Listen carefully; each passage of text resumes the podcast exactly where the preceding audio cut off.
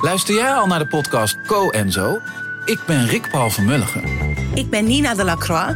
En samen met jouw man René voeden wij twee kinderen op in twee huizen. Co-ouderschap. We hebben het over alles wat je daarin tegenkomt.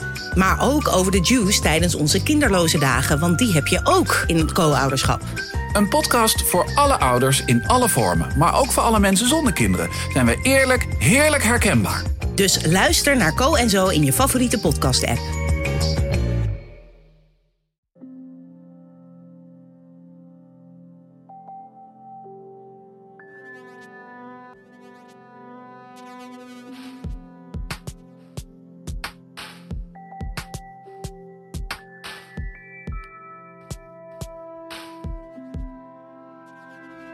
Hallo, ik ben Pieter van Relaas.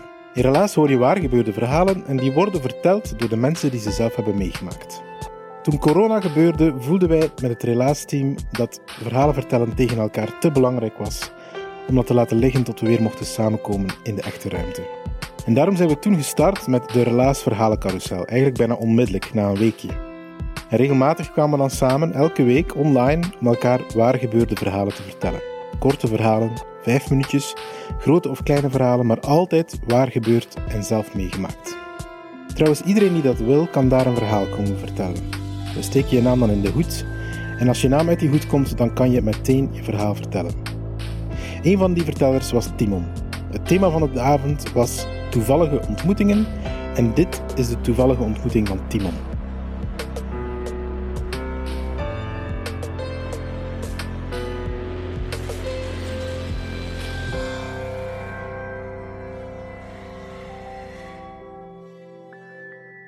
Dat uh, relaas dat begint eigenlijk hier, hier in Gent, want ik zit in Gent, in Sint-Amansberg meer bepaald. En ik woon niet zo ver van het station. En je moet van mij één ding weten, ik ben uh, geen ochtendmens. Ik kan dat niet, dat is niet voor mij, dat zal het ook nooit zijn.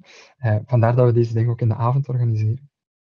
Maar ik moest vroeger, werkte ik in Kortrijk, en dan moest ik altijd mijn vaste trein om 20 voor 8 gaan halen. Nu, dat lukte altijd. Ik had perfect um, uitgerekend hoe lang het duurt om op die trein te kunnen stappen, terwijl ik ja, een kleine 10, 15 minuten daarvoor nog in mijn bed lig. Ik rol uit mijn bed en ik loop naar de trein. Dan kom ik daar mooi op tijd en dan kan ik misschien zelfs nog een beetje slapen op die trein. Eh, op een doordeweekse dinsdag stap ik die trein op en eh, staat er iemand in het midden van het gangpad. En ik kan die man die daar staat alleen maar beschrijven als iemand die recht uit Matrushkas is weggewandeld. Die man heeft een platte boksersneus, die heeft um, een kaalgeschoren hoofd, je mist drie of vier tanden. En ik denk, nou, je bent niet de vrolijkste verschijning, s ochtends. Nu, was iedereen ook een beetje aan het lastigvallen. En zo gaat dat dan op, uh, op een trein. Je loopt daar gewoon langs en dan hoop je dat het vooral niet jouw probleem is. Dat was ook mijn plan. En ik kwam daar langs, maar er moet toch enige connectie zijn geweest, een korte woordenwisseling geweest, dat ik uh, hem te lang in de ogen heb gekeken, want de man volgde mij. En ik ging gaan zitten in mijn, uh, mijn tweezit. De man kwam gezellig naast me zitten. En ik dacht, Ah, jammer. Dat is jammer. En ik vraag aan de man, uh, ja, uh, ja, hallo? En hij zegt, hallo, uh, wat is jouw naam? Ik zeg, ja, ik ben Timon. En hij zegt, ah, zo fijn. En die begint gewoon een woordenbrei uit te spuwen. Die begint zijn levensverhaal in mijn schoot te leggen. Wat was er gebeurd? Die man was die ochtend vrijgelaten uit de gevangenis. En die vertelt dat, ja, je bent de eerste man met wie ik spreek sinds ik vrij ben uit de gevangenis. Nu, wij waren op dat moment net, mijn relaas, en hij brengt dan toen in de gevangenis, dus ik was wel een beetje geïntrigeerd. Maar het, tweede ding dat hij mij zei was, moet jij een beetje vodka hebben? Hij haalde een fles vodka uit zijn, eh, zak en vroeg, moet je wat vodka hebben? En ik zei, oh ja, niet, het is 20 na 8 ochtends. Ik ga gaan werken, nee, dankjewel. Um, maar toch, hij drinkt ondertussen lustig van de vodka en vertelt ja, alles wat hij te vertellen heeft. Hij vertelt dat hij sinds zijn zestiende in jeugdgevangenissen zit, dat hij uh, gepooid heeft, dat hij um, drugs gedeeld heeft, dat hij ondertussen um, ja, al meer dan tien jaar vastzit. En dat hij van deze ochtend was vrijgelaten om te gaan solliciteren voor een job. Maar, zei hij, ik wil, ik wil het echt goed doen deze keer. Ik wil mijn ouders, mijn zus, mijn moeder niet teleurstellen. Die moeten naar Kortrijk. Waar moet jij naartoe? Ja, ik ook naar Kortrijk. Ah, ja, oké. Dus er zit nog een hele trein uit met hem vast. Ik wil die niet meer teleurstellen, want ik weet, ik kan afstappen in Kortrijk. En ik heb deze ochtend eh, 50 euro gekregen, een treinticket gekregen. En daarmee kan ik gaan solliciteren. En ik word vanavond terug verwacht in de gevangenis. Maar het enige wat ik gedaan heb, is een fles vodka gekocht en dit. En hij had een kleine uh, gsm boven. Geen smartphone, maar zo eentje met alleen maar toetjes en waar je alleen maar mee kan sms'en en bellen. En hij zegt, ik weet dat ik nu kan afstappen in Kortrijk en um, binnen de vijf minuten twee mensen kan bellen en 10.000 euro verdienen. Maar ik wil dat niet meer. Ik wil het echt, echt beter doen uh, deze keer. Ik probeer hem zo aan moed in te praten. Uh, van ja, niet doen, hè, zeker niet doen. Maar dat lijkt toch maar een heel klein beetje binnen te komen. Ondertussen komt de conducteur, die was ook ondertussen binnenkomen, wat dichter en dichter. En de man zei ook tegen mij, ja, de conducteur, ah, ik ben mijn ticket ondertussen al kwijt, ik ben het al kwijtgeraakt. Als de conducteur er iets van zegt, dan sla ik hem op zijn gezicht. En ik dacht, oh, misschien is dat niet de manier om uh, te gaan babbelen met conducteurs. Dus ik zei, als je lastig doet, uh, betaal ik je ticket wel. Dus de conducteur heeft er eigenlijk niks van gemaakt, het is gewoon verder gewandeld. En um, de man zei, ja, ik ken eigenlijk niemand um, die, uh, die ik nu nog kan bellen. Um, doe, jij, doe jij graag drugs? vroeg hij aan me. En ik zei, dat is een rare vraag om te stellen. Nee, maar uh, waarom? Ha, misschien kunnen we anders een gaan drinken. Ik zei, ja, ik moet gaan gaan werken. Maar misschien, en hij geeft, pakt zijn gsm en hij geeft die aan mij en zegt, anders geef mij je nummer en dan, um, dan kunnen we samen, als ik vrij ben, een gaan drinken. En op dat moment krijg ik de gsm en ik denk, ja, mag ik nu mijn gsm geven aan iemand die tien jaar in de gevangenis heeft gezeten? Wie weet wat dat mij allemaal oplevert? Wie weet wat voor, wat voor dwaas avontuur dat ik hier nu mee krijg? Misschien wel een stalker. Maar tegelijkertijd werd ik geconfronteerd met alles wat hij daarvoor al tegen me zei. Van, en ik tegen hem had gezegd van ja, je moet mensen vertrouwen, je krijgt een tweede kans en die komt er wel. En ik sta er zo twee seconden met, met de gsm in mijn handen. En ik wil ook niet twijfelen. Dus ik begin een nummer te tikken en ik tik mijn gewoon gsm-nummer in zijn gsm en ik geef hem terug. En hij zegt dankjewel.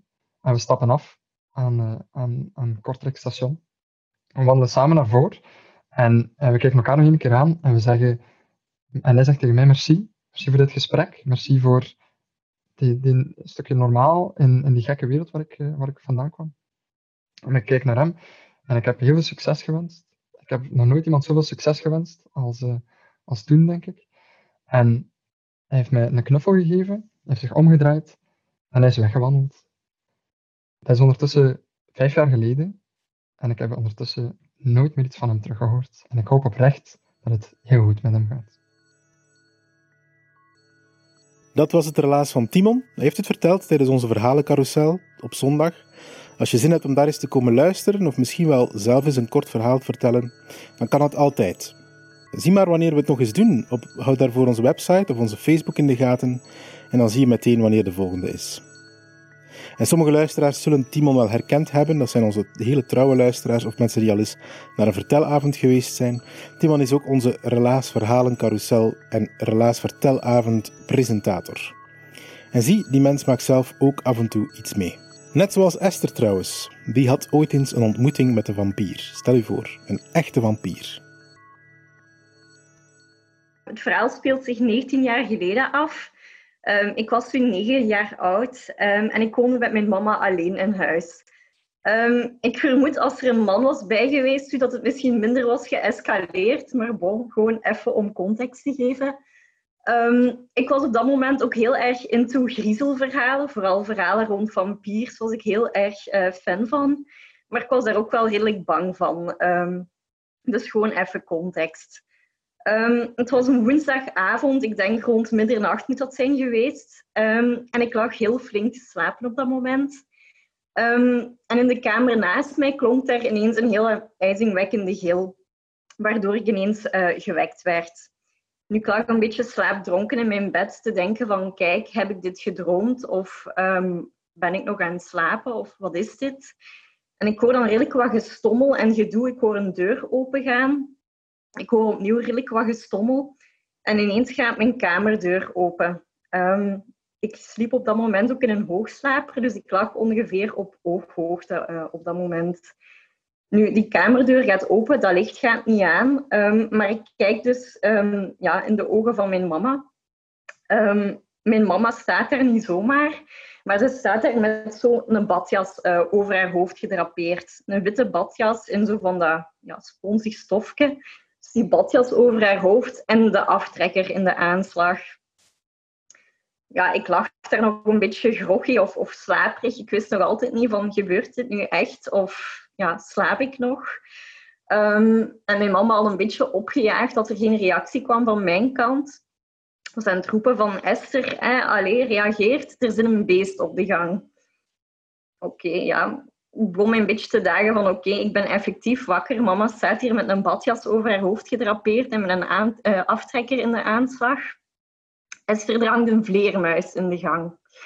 Oké, ja, toen had ze natuurlijk mijn interesse wel gewekt. Um, je moet je ook voorstellen, ik weet niet van waar dat de irrationele angst kwam van mijn mama, maar ze had schrik dat dat beest een nest ging maken in haar haar. Dus vandaar dat ze haar haar mooi had bedekt met een badjas.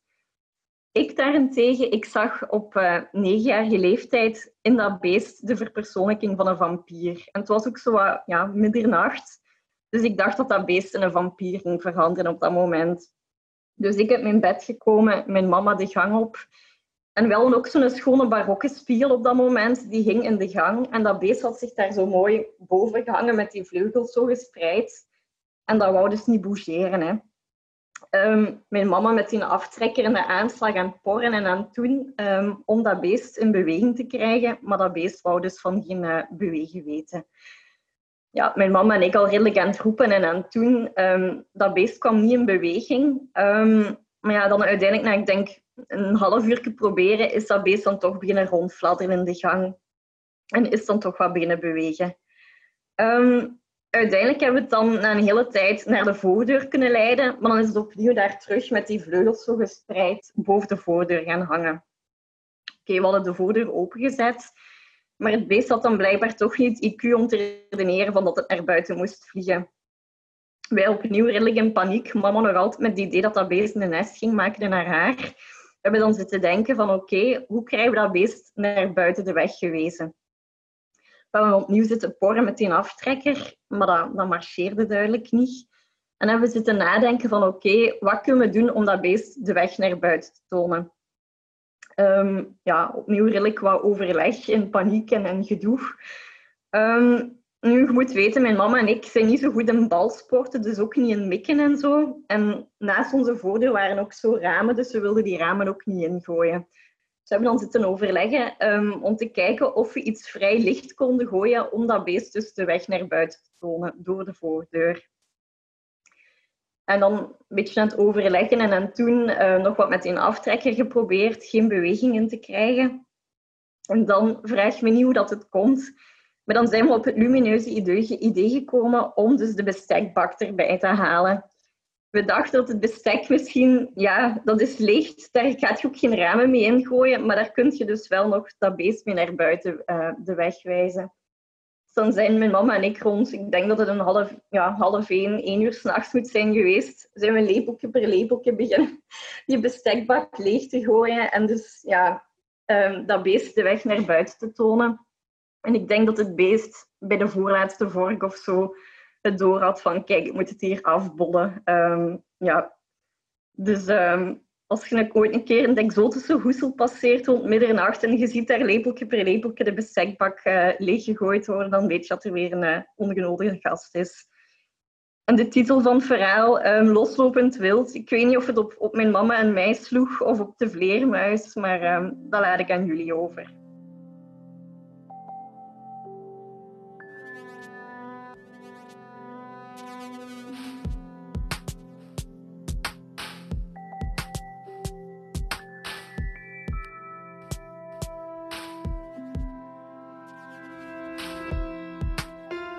Dat was het relaas van Esther.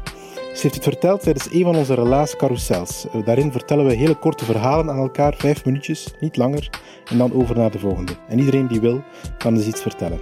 Ik moest denken aan mijn opa trouwens. Die heeft mij altijd wijsgemaakt dat hij kaal geworden is omdat er ooit eens een vleermuis in zijn haar was gevlogen. En die vleermuis had al dat haar afgetrokken.